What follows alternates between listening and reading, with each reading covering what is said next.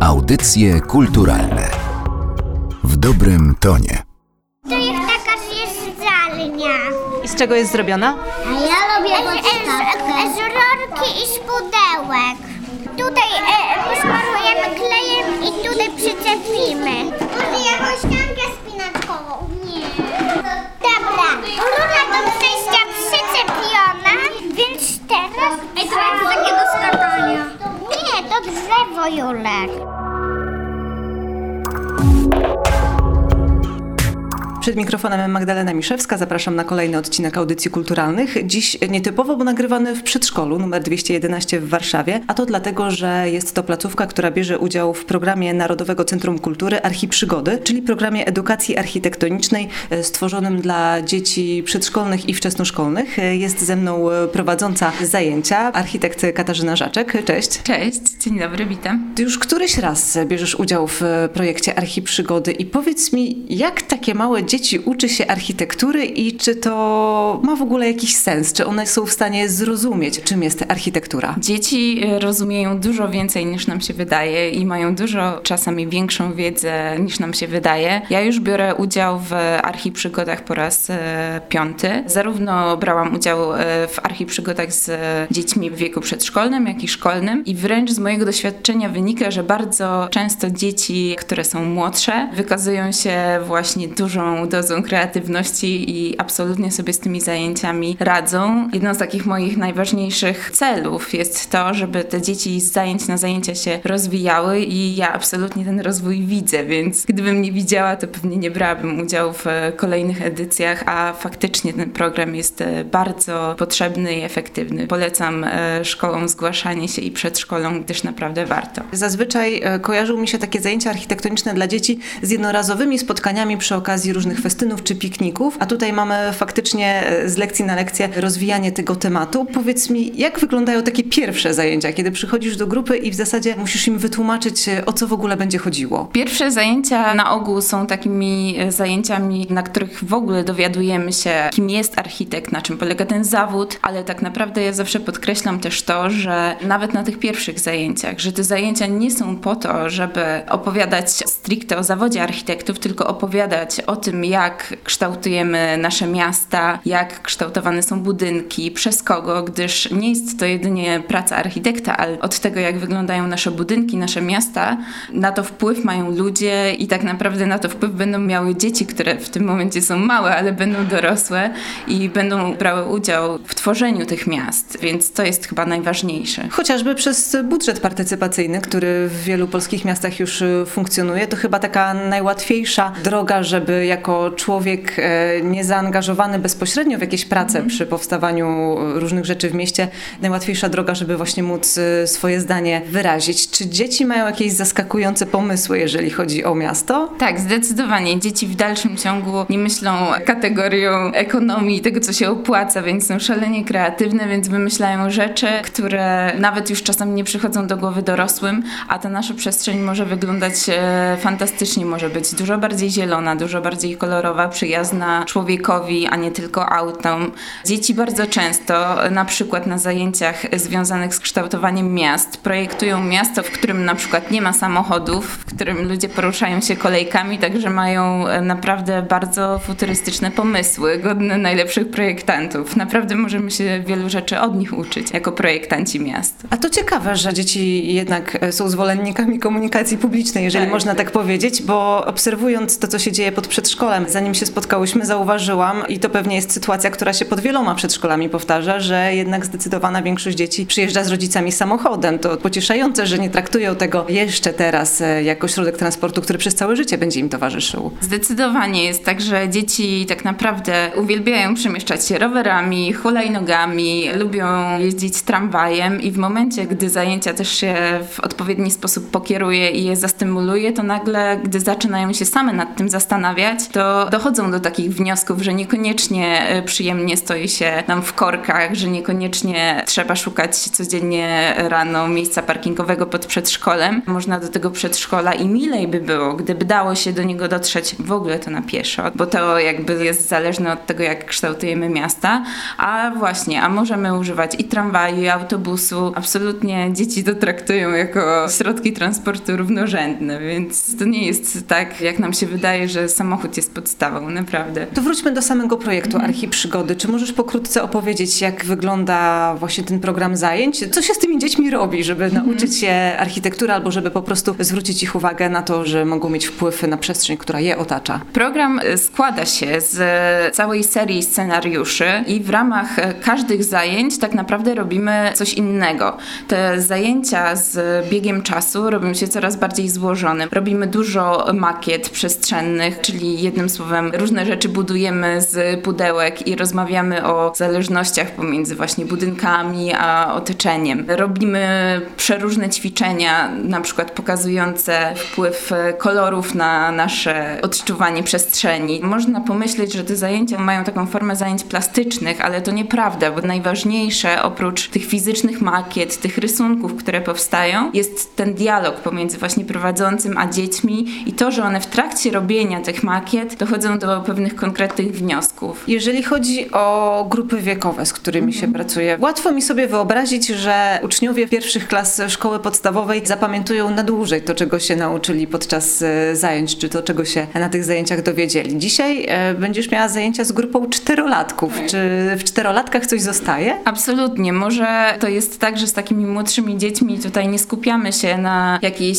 fachowej terminologii, używamy prostego słownictwa i tak dalej, ale fakt jest taki, że z racji tego, że te zajęcia się rozwijają, czyli na przykład na jednych budujemy pojedynczy budynek, a już na kolejnych budujemy całą strukturę miejską w grupie i mamy wielką makietę miasta przed sobą, to jest tak, że po prostu ja widzę jako prowadząca, że z czasem coraz łatwiej mi się rozmawia z tymi dziećmi. One się naprawdę wielu rzeczy uczą. Może to nie jest tak, że zapamiętują skomplikowane wyrazy albo wiedzą, jak co się nazywa, ale zaczynają mieć świadomość tego, jak ważne są budynki, ich relacje właśnie z otoczeniem, jakie są powiązania pomiędzy budynkami i funkcjami. Na przykład dzieci od razu zaczynają się orientować, które funkcje w mieście powinny być, blisko których. Te relacje, które są ważne w mieście, absolutnie wychwytują. Czy ty masz jakieś nadzieje związane z dziećmi, z którymi prowadziłaś zajęcia, że może kiedyś w przyszłości zainteresują się właśnie architekturą? Powiem tak, ja zawsze też podkreślam to i mówię tym dzieciom, że te zajęcia nie są po to, żeby faktycznie rozbudzić w nim chęć zostania architektem.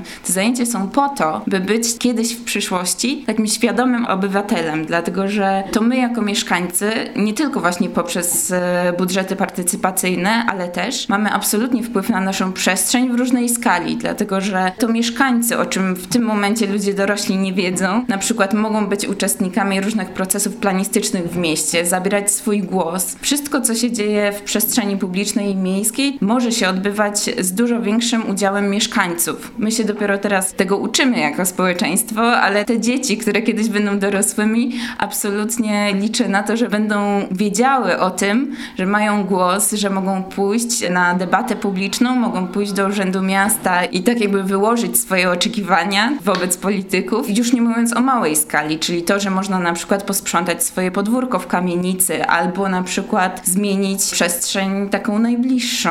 Nie wiem, zadbać o swój balkon, zadbać o klatkę schodową, e, o przedszkole. budynek czy przedszkole. Więc myślę, że o to chodzi właśnie. Nie potrzebujemy wielkiej ilości projektantów, potrzebujemy ludzi, którzy po prostu są świadomi przestrzeni i zwracają uwagę na tą przestrzeń. Także zajmujemy się tu trochę takim otwieraniem oczu dzieciom faktycznie. I być może część tej wiedzy dzieci będą w stanie przynieść do domu, przekazać ją swoim rodzicom. Nie trzeba będzie czekać, aż dorosną, żeby mieszkańcy aktywniej partycypowali w projektowaniu, w funkcjonowaniu miasta. To powiedz mi jeszcze na koniec, co architekt zyskuje pracując z dziećmi, no poza poznawaniem naprawdę abstrakcyjnych pomysłów? Ja tak naprawdę bardzo odnalazłam się w tej pracy jako edukator. Jest tak, że zaczęłam prowadzić e, różne warsztaty i współpracuję z różnymi fundacjami, stowarzyszeniami.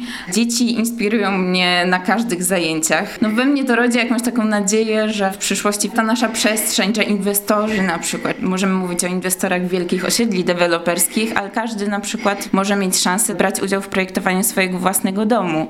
Więc ja mam nadzieję, że te dzieci będą potem bardziej świadomymi ludźmi i bardzo w to wierzę. I ta wiara daje mi bardzo dużo energii i takiego optymizmu. Ja myślałam, że może jakieś ciekawe projekty placów zabaw. A to swoją drogą, absolutnie, zdecydowanie jest tak, że tutaj dzieci proponują rozwiązanie, na które ja sama bym nie wpadła, więc czasami naprawdę patrzę na to, co powstaje, no i czerpię inspirację, nie ukrywam. W audycjach kulturalnych rozmawiamy o projekcie Archiprzygody, projekcie prowadzonym przez Narodowe Centrum Kultury, a jest ze mną Paulina Niemczyk, reprezentantka NCK. Cześć. Hej. I chciałabym cię najpierw zapytać o raport, który NCK opublikowało pod koniec zeszłego roku. Raport dotyczący postrzegania architektury przez Polaków.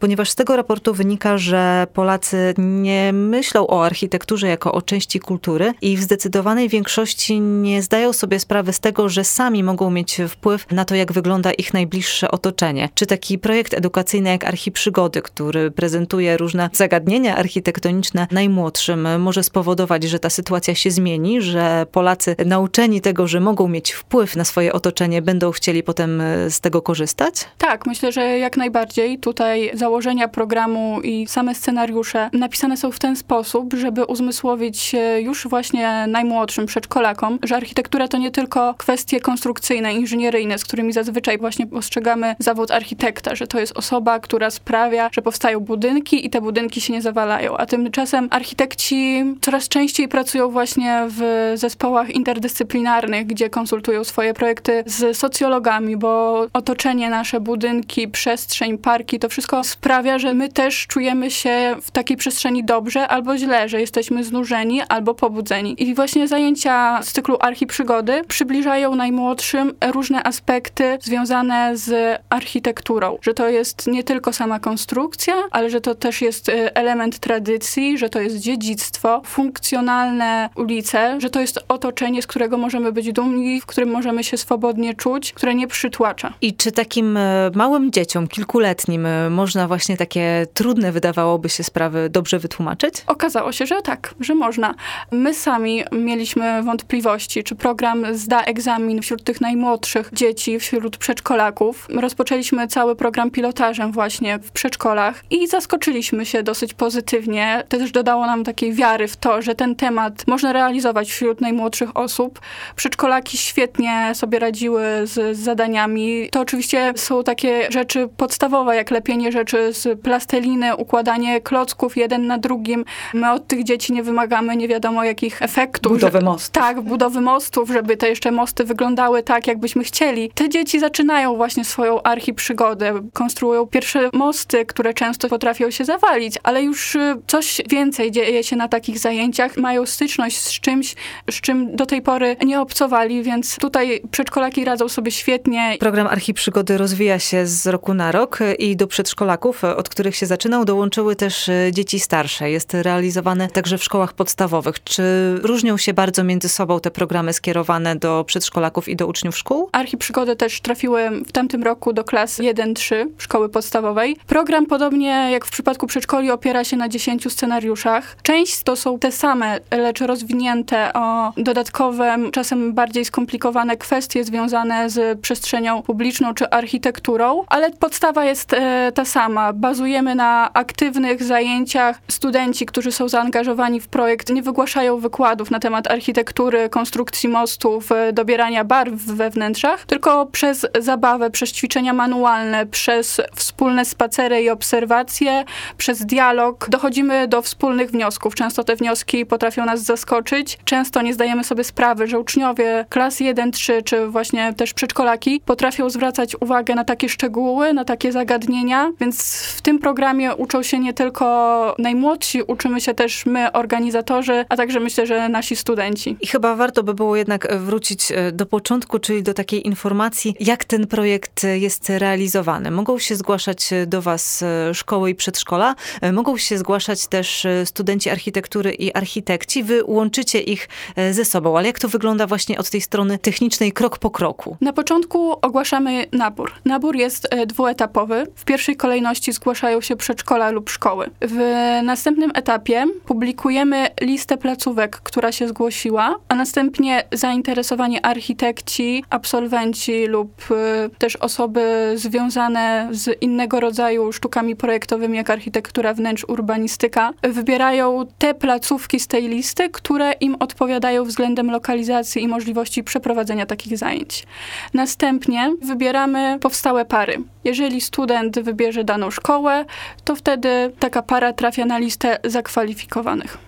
Projekt opiera się na 10 scenariuszach i te scenariusze są napisane w taki sposób, żeby osoby prowadzące te zajęcia, czyli architekt, ale też nauczyciel ze szkoły czy z przedszkola, miał swobodę w kreowaniu tych zajęć. To znaczy, jeżeli zna dodatkowe aktywności, które uważa, że mogą urozmaicić albo lepiej wytłumaczyć pewne zagadnienie, jak najbardziej może je wprowadzić.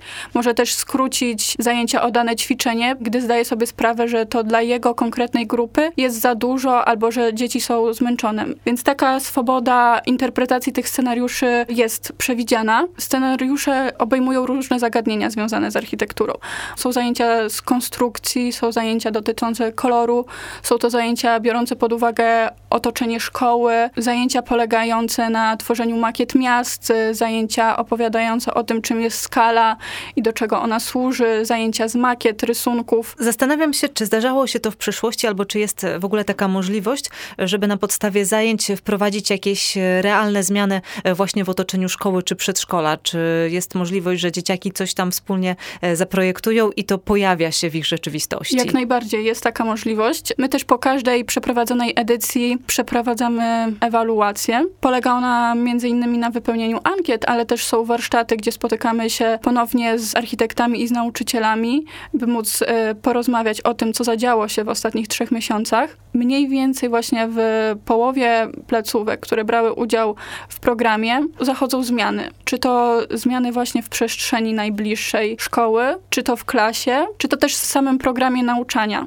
Często uczniowie sami realizują e, wystawy swoich prac w szkole, czy zmieniają właśnie aranżację klasy. To jest taka najczęstsza zmiana. Też wiem, że w oparciu o zdobyte doświadczenie w obserwowaniu otoczenia są organizowane na przykład e, wyjazdy i wycieczki klasowe. Więc no, nas bardzo cieszy, że archiprzygody nie kończą się wraz ze spotkaniami architekta z uczniami, z dziećmi, ale że później nauczyciele sami interesują się tymi kwestiami i wprowadzają te zagadnienia do lekcji lekcji już regularnych, przewidzianych przez y, plan w szkole. I to jest ogromna radość. Myślę, że największym zaskoczeniem jest to, że architekci często mówią nam o tym, że edukacja architektoniczna to jest to, czym chcą zajmować się w przyszłości. I dla mnie, i dla autorów programu myślę, że również taka informacja jest chyba największą radością z tego programu, ponieważ to pokazuje, że program ma sens, że program się sprawdza i że tego brakuje. I że są osoby, które chcą też robić, więc no, nasza archidrużyna drużyna rośnie. Rośnie też e, o kolejne przedziały wiekowe, bo w tym roku dołączą do pierwszych klas podstawówki i do przedszkolaków kolejne klasy szkoły podstawowej. W tym roku planujemy od września rozpocząć pilotaż w klasach 4-6 szkoły podstawowej i też e, rozpoczynamy pracę nad kolejnym zestawem scenariuszy, tym razem skierowanych do już najstarszych uczniów szkoły podstawowej, czyli dla klas 7-8.